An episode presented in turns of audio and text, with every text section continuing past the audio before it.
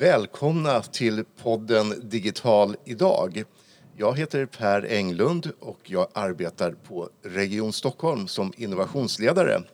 Och här sitter jag i studion tillsammans med Anna Tisäter. Välkommen Anna! Tack! Ja, och vad ska vi prata om idag?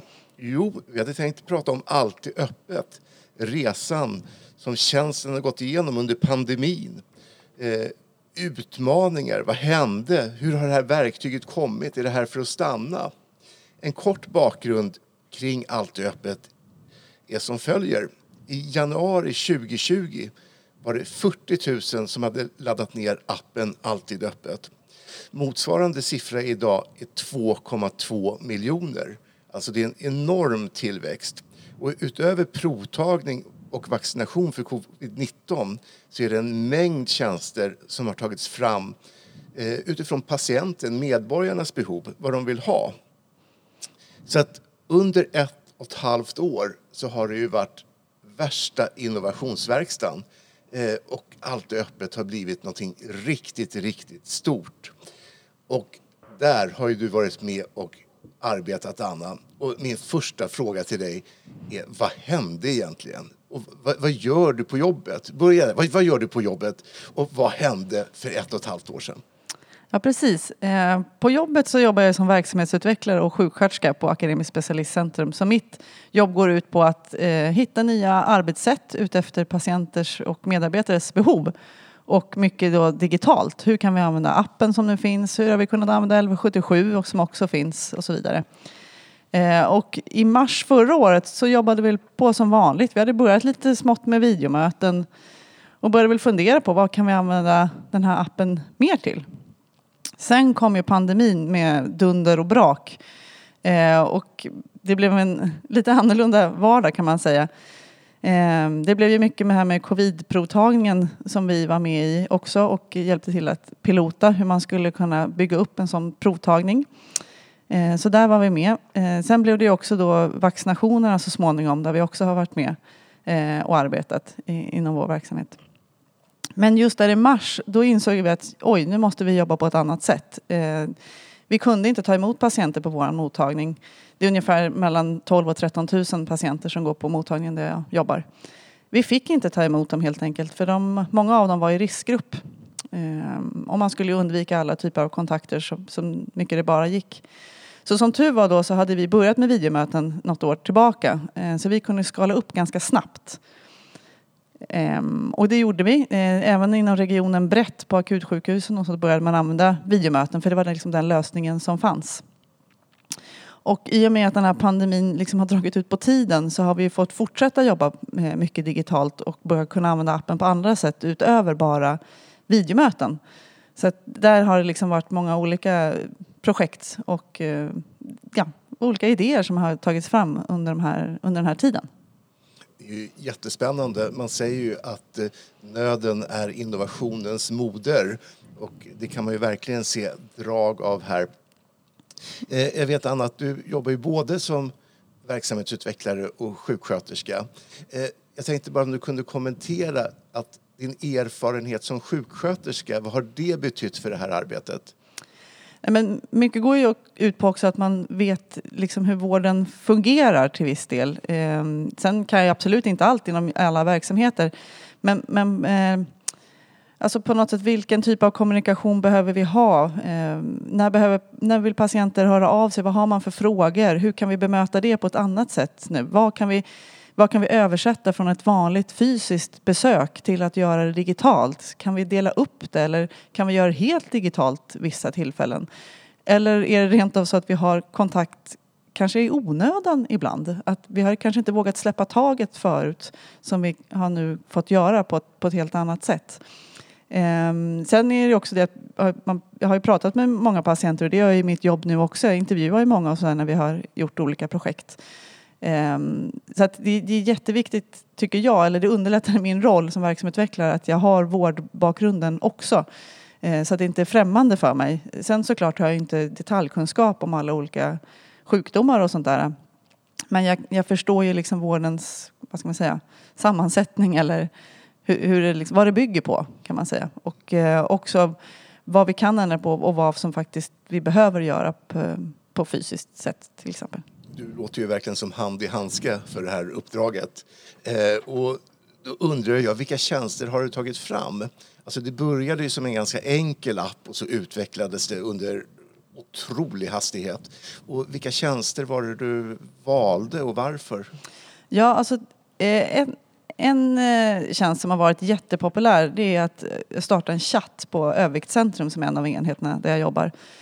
Och eh, chatten är egentligen inget konstigare än att man kan skicka in meddelanden, ungefär som på 1177. Eh, men man kan också bifoga bilder. Så på Öviktscentrum så, så har man använt det här jättemycket och patienterna och medarbetarna är väldigt nöjda för det är ett, ett enkelt kommunikationssätt. Där är också vården att man, man ses, eh, eller man har kontakt väldigt ofta eh, i vårdsammanhang kan man säga, alltså varannan vecka kanske. Och, och då behöver man ju, kan det vara så att det, det, är en stöttande roll man har. Det är som en, ja, som en coachning liksom. Um, och om, det, om jag då är patient och sen så ska jag kanske gå på uh, en middag och det är buffé och då vill jag ju veta hur ska jag tänka nu då? Och då hjälps det inte att jag har en telefonkontakt om två veckor eftersom den här festen är på lördag. Att jag då kan slänga iväg en fråga via chatten och säga hur ska jag tänka nu? Och sen få svar uh, innan jag går på den här festen. Det underlättar ju enormt. Uh, då. Så du menar att de här digitala verktygen gör att du på sätt och vis kommer närmare patienten mm. fast du gör det på distans? Absolut. Och också eftersom vi har eh, möjlighet att skicka in, patienterna har möjlighet att skicka in bilder och det är alla möjliga bilder som kommer in. Just Övikscentrum som exempel så kan det allt vara från hur det ser ut i kylskåpet, en innehållsförteckning eller en del kan få i uppgift att skicka in bilder på sin mattallrik eh, några dagar för att ha någonting att utgå från i, i samtalet. Liksom. Ehm, så det har varit en, en sån nyckel. Och, och, också att man möter patienter som kanske inte har vågat höra av sig annars. Även på Anova-mottagningen på Karolinska så har det varit ett framgångskoncept. Men nu Anna, nu måste du berätta, vad är Anova för någonting? Jo, Anova är en mottagning som eh, eh, håller på med andrologi, sexualmedicin och transmedicin. Och de har eh, tidigare haft svårt att kanske nå sina patienter Eh, men i och med att man kan chatta med den här mottagningen nu så har det öppnat eh, helt nya vägar för patienterna att enkelt höra av sig. Eh, och det kanske har varit ett stigma förut att, att höra av sig till, till den här mottagningen vilket nu man har underlättat precis som på Överviktscentrum. Så det känns bra för patienten att kunna vara lite mer anonyma och inte outa sig? Ja men precis. Och just på Överviktscentrum är det ju också ett stigma i och med övervikt. Man kanske inte vill komma till mottagningen eller, eller så. Då kan man eh, chatta istället. Ehm, har ni gjort så. någonting annat? Diabetes, reumatologi, ja, några andra områden? Precis, vi har gjort något, ett, på Centrum för diabetes har vi också haft ett projekt just med fotsår. Och de patienterna har ju varit i, i riskzon med diabetes och de har också en del följdsjukdomar, de patienterna som har eh, fotsår. Så det har inte varit eh, det har inte varit så bra att de har kommit till mottagningen utan det har varit, om det inte är så att de behöver hjälp. Men det är det vi behöver se. Behöv, vilken typ av hjälp behöver patienten? Så då har vi öppnat upp så att de patienterna har haft möjlighet att skicka in bilder på sina fotsår och så svarar de på lite frågor eh, som vi alltid ställer i, kring det här. Och sen så har de fått skicka in de här bilderna och sen så sitter det då eh, vårdpersonal och bedömer bilderna och tittar på dem och tittar på att patienterna svarat. Och sen ibland så får ringer de upp patienten eh, och diskuterar. Ibland så kanske de tar kontakt med distriktssköterskan. Ibland så säger man att Nej, men du behöver komma hit. Och ibland kan det vara så att du måste åka in akut för att det är så pass. Men, och det har varit väldigt, väldigt få. Den stora delen är ju att det här kan du göra själv hemma. Och eftersom det blir det svaret, eller man kanske sätter in antibiotika också, så blir det ju att patienten kan vara kvar hemma och så har vi undvikit den här typen av kontakt. Och det här är något som har varit efterlängtat i flera år men som faktiskt inte har blivit av förrän nu. För att många patienter eh, reser och så man på, eh, går man på en strand på Kanarieöarna och så, så känner man inte att man har bränt sig under fötterna och så, får man, så vet man inte riktigt vad ska jag göra. Och då kan man ju då kontakta mottagningen eh, med specialistkompetens här i Sverige istället för att gå till vården på plats. Det låter som ni har blivit mer dynamiska tack vare pandemin. Absolut, absolut. Alltså det, avstånden har ju liksom krympt, eller vad man ska säga. Eh, de fysiska avstånden har ju, har ju krympt, alltså man är ju bara en chatt bort.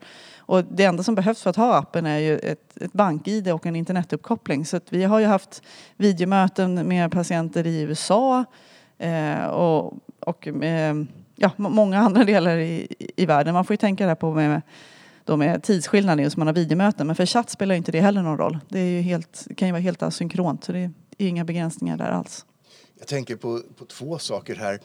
Eh, hade det här varit möjligt om vi inte hade blivit drabbade av pandemin? Och sen så tänker jag på hur kunde det vara möjligt att göra det här mitt under pandemin? Mm.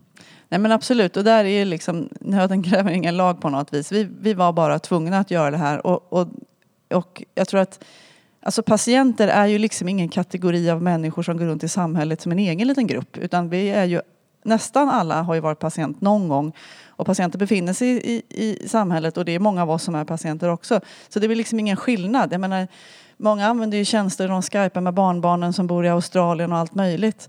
Eh, så att många av patienterna var ju liksom redan beredda och tyckte det var konstigt att vi inte hade några andra kommunikationssätt eh, som var liksom etablerade. Så att patienterna var absolut beredda. Jag tror att det var mer vi vårdpersonalen som kanske inte var Eh, helt beredda på att okej, okay, nu måste vi ändra arbetssätt. Men när man upptäckte att det går faktiskt att göra så himla mycket så så det är liksom det ena föder det andra. Man vågar testa en grej, sen vågar man testa en annan grej och sen så började man liksom laborera. Ja, jag kanske kan ha ett besök hälften på video och så tar vi några saker på fysiskt liksom, som måste göras. Och så, där. så vad är det, de tre absolut viktigaste sakerna som du vill att vi som lyssnar ska ta med oss och lära av Alltid öppet-resan? Vad är det? Alltså nummer ett är att, att titta vad är behovet hos både patienter och medarbetare så att man inte börjar utveckla någonting som liksom inte, ja, men som blir stolpe ut. Det är verkligen nummer ett. Kolla upp vad behovet är. Eh, nummer två är våga testa. Eh, gör med en liten grupp patienter och medarbetare. Och det är liksom ett pilot, en pilot, det är inte tanken att det ska bli rätt. En pilot är tanken att vi ska testa någonting för att se vad vi behöver skruva på. Och man behöver också ändra efter resans gång. Men man måste släppa sargen och börja våga testa. Eh, och den sista är tänk inte antingen eller. Tänk inte antingen digitalt eller fysiskt. Tänk både och istället. Tänk att det kan liksom vara olika delar som passar olika bra vid olika tillfällen. Ingenting utesluter varandra utan blanda och ge liksom.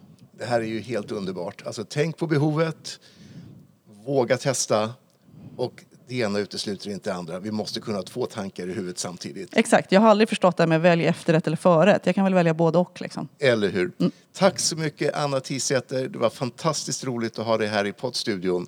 Mm, tack så mycket.